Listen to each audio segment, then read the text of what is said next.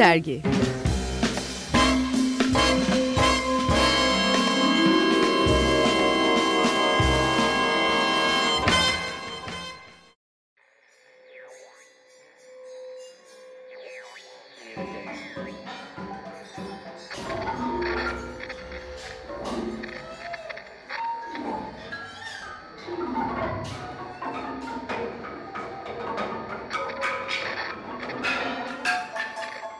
Barınan'dan radyoya.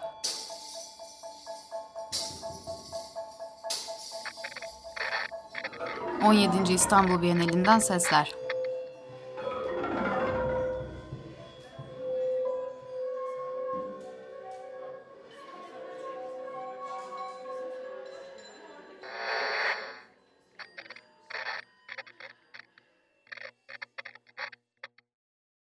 Merhaba, bugünkü Barınan'dan Radyoya programında önce Açık Deniz programına konuk olan Gülsün Kara Mustafa sanat ve üslup ilişkisini, filmlerini, filmciliğini, Sadık Kara Mustafa sürgündeki işlerini anlatacak. Ardından deprem paneline bağlanacağız ve Gülsün Tanyeli Barınan'ı ve tarihi yapıları anlatacak. Hemen onun ardından kent panelinden Gizem Kıygı'ya ve tarihi yarımada ve çocukların ilişkisine değinecek. Son olarak da Metropolitika programında Deniz Gündoğan İbrişim ve Aysim Türkmen İstanbul Boğazı ve aşka odaklanacak Yeşilçam ekseninde.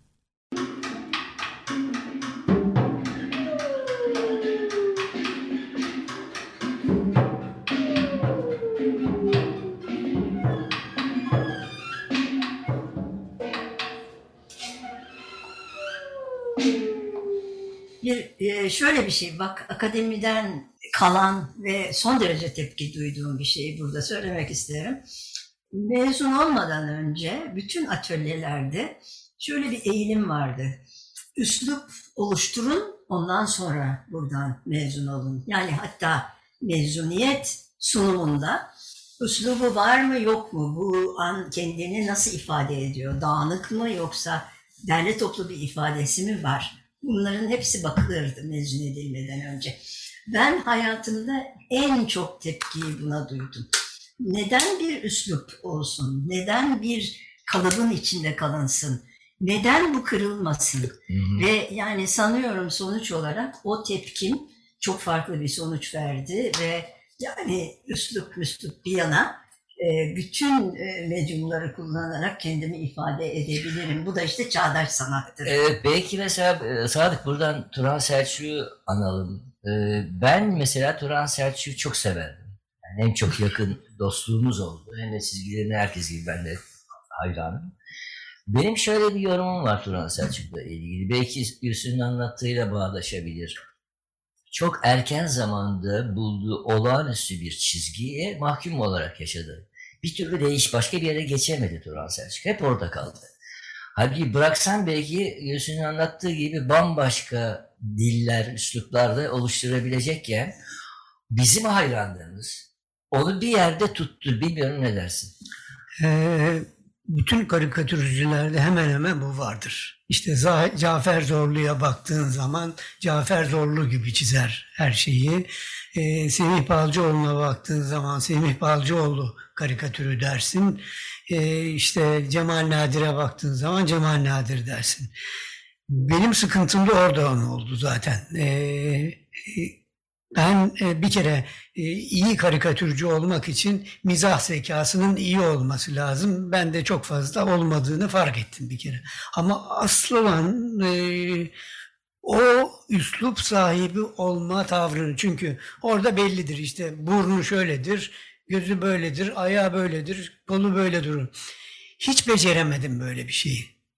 Karikatürü de işte her zaman farklı şekilde çizdiğim desenler gibi oldu. Ondan sonra da 1980'den sonra da e, çizmedim ama 70 ile 80 arasında e, sadece işte karikatür dememek lazım. Desen politik dedikleri alanda evet, epeyce e, ürün verdim. Yani bunlardan bir kısmı yayınlandı. e, hatta 80 darbesi e, sırasında e, başlarına bir iş gelmesin diye e, işte Turunç'taydık. Gelir gelmez hemen o darbeden birkaç gün sonra İstanbul'da şeyde e, Bebek'te bütün e, yaptığımız politik işlerin e, birer tanesini orijinaller dahil paket yapıp postaneyle Almanya'ya yolladım. Kardeşimi tanıdın sen Sinan, Sinan'a evet. yolladım. Evet. Ve bu işler e, 10 yıl e, orada kaldı. Ben onlara hep sürgündeki işlerim diyorum.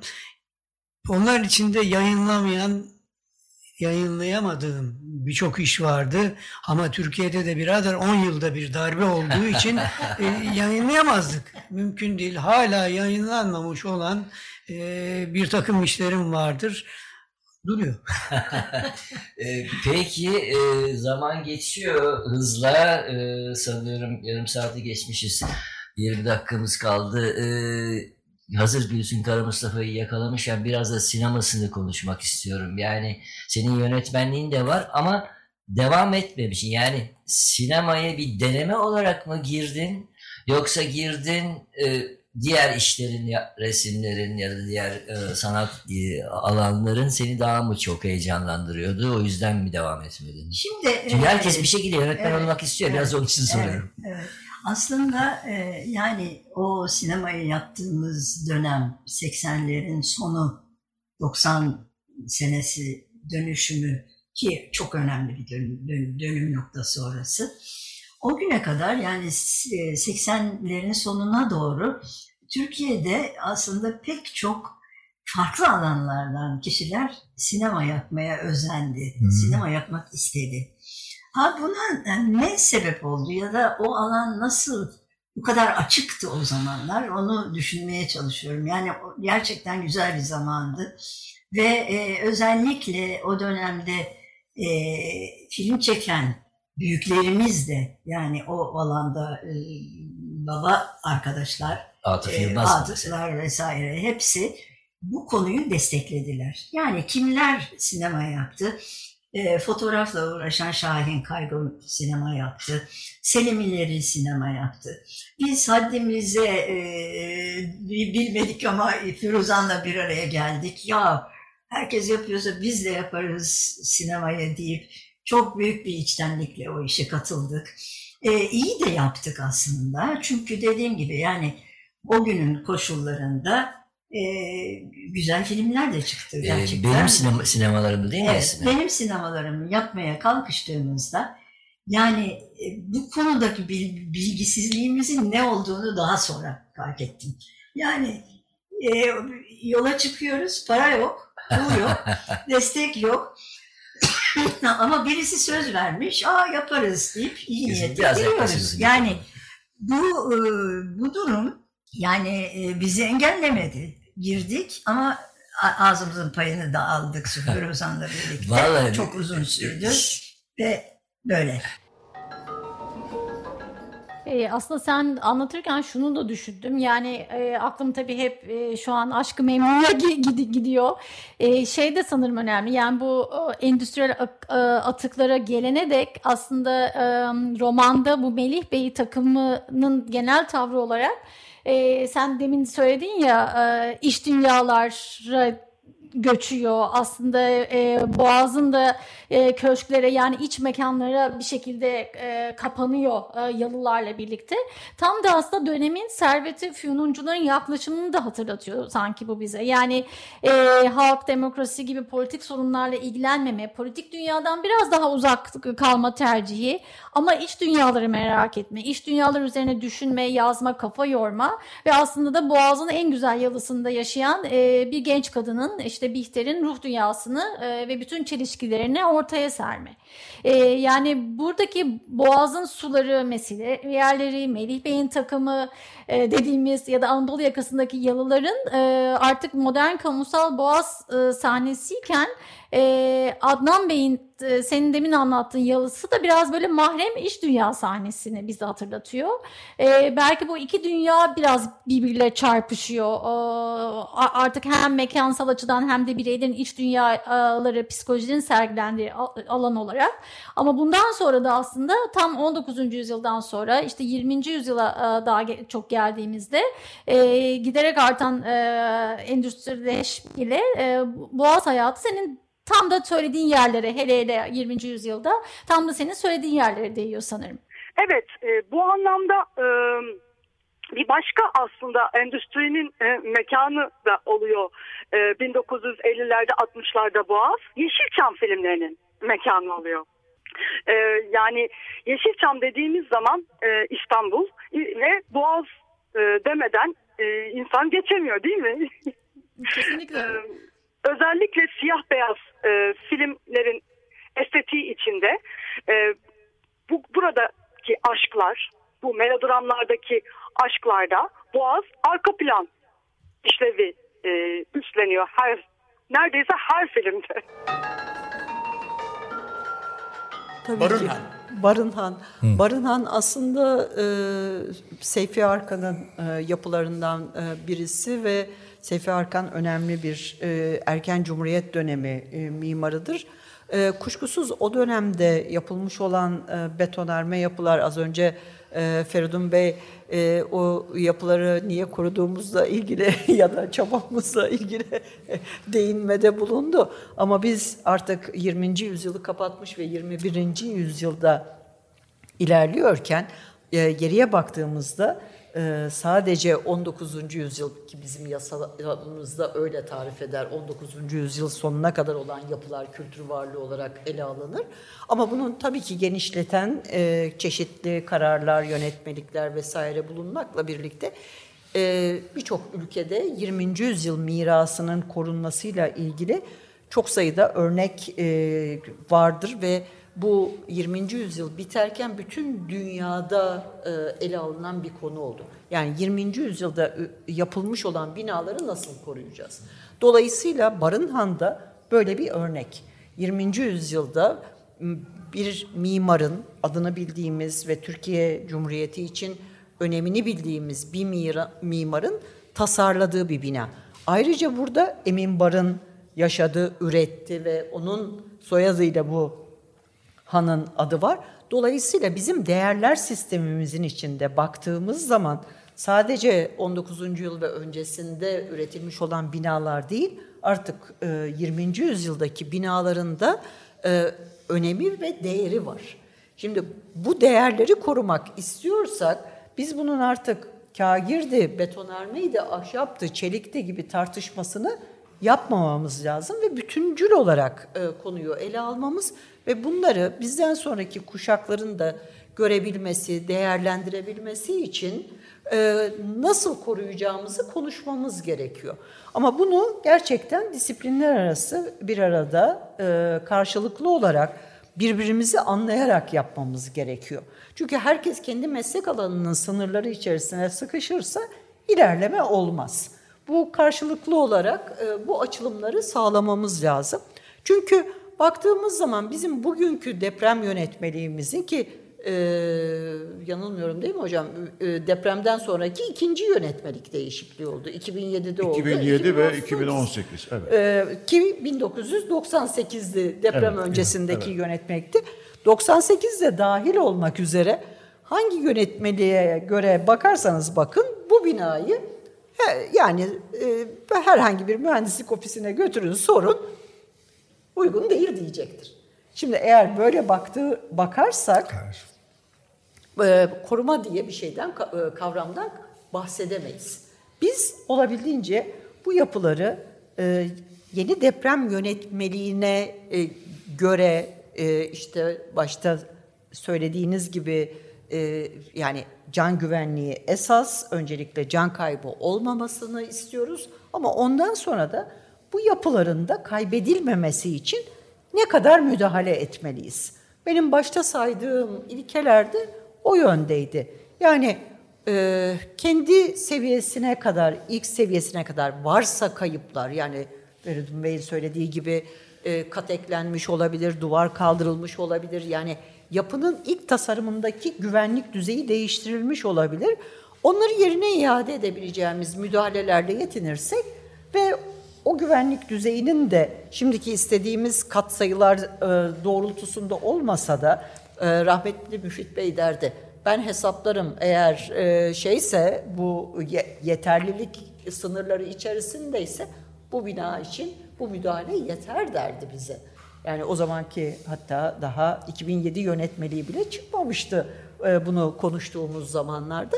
Dolayısıyla bu açıkçası e, yapılara e, biraz daha fazla onların deprem güvenliğini arttırıcı müdahaleleri hangi sınırlar içinde kabul edebiliyorsak konuşarak çünkü yapıların işlevi değiştikçe de deprem güvenliği meselesindeki katsayılar değişiyor. Yani konut olarak kullandığınız bir yapıyı ya da iş yeri olarak kullandığınız bir yapıyı daha fazla insanın bir araya geldiği sergi, dinleti ya da işte müze vesaire gibi başka amaçlarla kullanmaya başladığınızda değişiyor. o zaman o katsayılar değişiyor. O zaman o orada bir, bir tık daha belki e, güvenliği iyileştirici, yap, yapısal iyileştirmeye gidici müdahaleler gerekebiliyor. Bu yapının kendi e, tabii ki özgünlük e, durumunu çok değiştirmemek, o değerleri zedelememek kaydıyla yapıyoruz. Ama bir de kaçınılmaz olarak verilen kararlar e, belki tescilinden önce o yapılarda e, verilen kararlarla e, yapılmış ekler olabiliyor. Onları da dönem eki olarak eğer korumamız gerekliyse, her dönem ekini korumamız asla gerekli değil dönem ekinin değerliliği üzerinden korunup korunmayacağına karar vermemiz gerekiyor. Yapıya bir şey katıyor mu? Katmıyor. Ekstra bir yük getiriyorsa ondan kurtulmamız gerekir. Tabii. Onu ayıklamamız gerekir.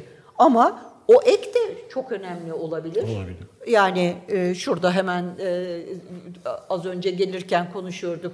E, Karaköy'deki Ziraat Bankası'nın yakınında, yanında, bitişiğinde e, rahmetli hocamız e, Nezih Eldem'in yapmış olduğu bir ek vardı. Yani e, Türkiye mimarlık tarihi için son derece önemli bir katkıydı o. Betonarme bir ek. Yapı 1900 onlarda yapılmış.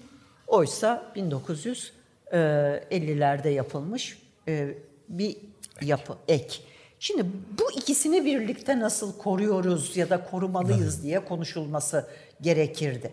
Ama maalesef e, e, sanıyorum ki yani ben e, hiçbir şekilde tanık olmadım. Sadece dışarıdan izleyici olarak görüyorum. Orada açıkçası betonarmenin korunması konusunda ya da Nezih Bey'in önemi ve o katkısı mimarlık tarihi bağlamında 20. yüzyılın değeri olarak çok fazla dikkate alınmadı. O heykelleriyle işte 1910'larda yapılmış olan kagir bina daha öncelendi. Ama mimarlık tarihi bağlamında bakarsanız Nezih Bey'in eki ötekinden daha önemli bir yapı. o yüzden hani bu değerler sistemine göre nasıl hareket edilmesi gerektiğini e, mimari koruma uzmanlarıyla birlikte mühendislerin ortaklaşa ilerletmesi lazım ve hazırlanan projelerde de bunun böyle değerlendirilmesi lazım. Koruma kurullarında şu anda bu değerlendirme yapacak uzmanların olmadığını düşünüyorum. O konuyu ayrıca bir konuşmamızda fayda var. Yani bu işin insan kaynağı problemi.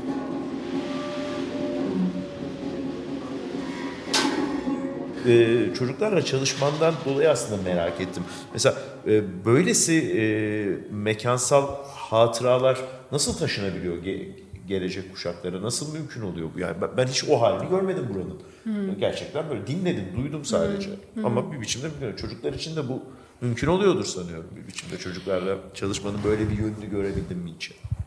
Yani şöyle, e, kentin anlattığı bir hikaye var kendisinin. E, Tarihi Yarımada'yı biz Türkiye Yayıncılar Birliği desteğiyle Tarihi Yarımada okuma kültürü haritası üretmiştik çocuklar için. Ve bu bahsettiğin jenerik işte Osmanlı başkenti anlatısının dışında aslında tarihi yarımada çok kültürlü bir alan. Ee, ve bu hikayeyi çocuklara nasıl vereceğiz ee, üzerinden mesela çok kafa yorduk. Hani o jenerik anlatının dışına nasıl çıkacağız diye. Ee, ve alfabelerden yola çıkmıştık. Mesela buranın, Wuhan'ın da e, özelliği. Yani baktığınızda e, tarihi yarımada içerisinde işte Osmanlı alfabesini görüyorsunuz, Rum alfabesini görüyorsunuz, Ermeni alfabesini, Ermenice alfabe görüyorsunuz. Ee, daha birçok başka e, dilin dilde yazılmış yazıtlar görüyorsunuz. Mesela onları bulmalarını e, yönerge olarak onları bulmalarını söyledik harita içerisinde. Ve oradan e, çocuk soru sormaya başlıyor. Bence bu çok kıymetli. Burada ne varmış, ne olmuş, neden, neden, neden bilirler e, ebeveynler. Böyle bir neden dönemi diye bir şey var. Neden, neden, neden, neden. E, sizin de sormadığınız sorulara başka bir tarihe çıkartıyor bu neden soruları. E, böyle aktarımlı mümkün olabiliyor gerçekten. Bir de e, çocukların da ön yargıları var e, bir takım alanlara karşı e, tanımadıkları, görmedikleri alanlara karşı ya da ailelerinin e, farklı düşüncelere sahip olduğu, biraz daha dışladığı, biraz daha yargıladığı, belki tehlikeli olarak imlediği alanlara karşı onların da ön yargıları oluşuyor. Bunları da konuşma e, fırsatı ve dönüştürme fırsatımız oluyor çocuklarla çalışırken. İşte burada bir kilise varmış kilise kötü bir yer gibi bir tepki alabiliyoruz mesela. Neden öyle düşünüyorsun? Daha önce bir kiliseye gittin mi? Bakarsan aslında ne kadar güzel görünüyor, şuralarına dikkat ettin mi vesaire. Bir sohbet açabilmek. Yani o mekanın hikayesinin bir diyalog düzlemi e, kurabilmesi, müşterekleştirebilme potansiyeli var aslında kentin anlattığı hikayenin. E, bu hikayenin peşinden koşuyoruz biz. Ya aslında tam e, sorduğum sorunun e, şahane bir cevabını aldım. O yüzden mutlu oldum. Yani bunu, bunu aktarmak nasıl mümkün olurdu aslında? Çok beceremediysem de soru. Ee, çocuklarla çalışan biri olarak bunun pratiğini e, de kurduğun için belki bize e, söylersin diye sordum. Ve bence çok önemli bir şey sor, sor, söyledin. E, onu e, ne anladığımı söyleyerek size son sözler için bırakayım. Süremizi dolduruyoruz ve kapatalım sonrasında. Sanıyorum kentte bütün yaptığımız, bütün yaşananlar bir iz bırakıyor. Ve bu izleri takip ettiğimiz zaman aslında koca bir hafızayı da bir biçimde ayakta tutabiliyoruz, mümkün hale getirebiliyoruz ve aktarımı da ve belki kentin bu hafıza üzerinden şekillenebilmesi de, yeni biçimini alabilmesi de e, mümkün oluyor diye anlıyorum ben aslında senin söylediklerinden. E, bu anlamda burası barınan e, Açık Radyo. Açık Radyo'da sizlerin yaptığı bu işler bence çok kıymetli. O yüzden peşinden teşekkür edeyim burayı mümkün kılanlara da, sizlere de.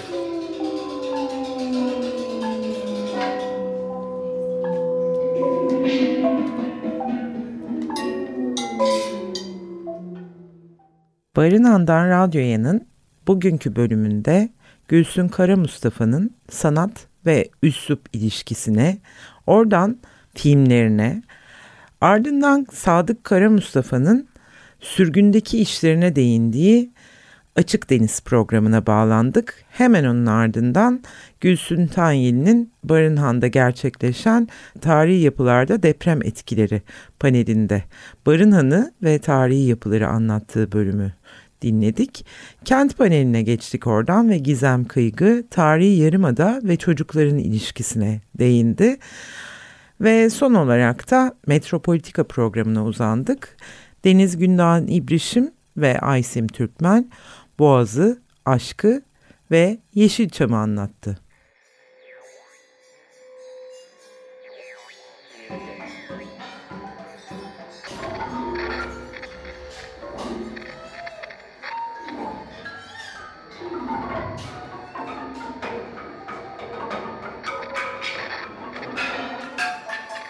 Barınan'dan radyoya.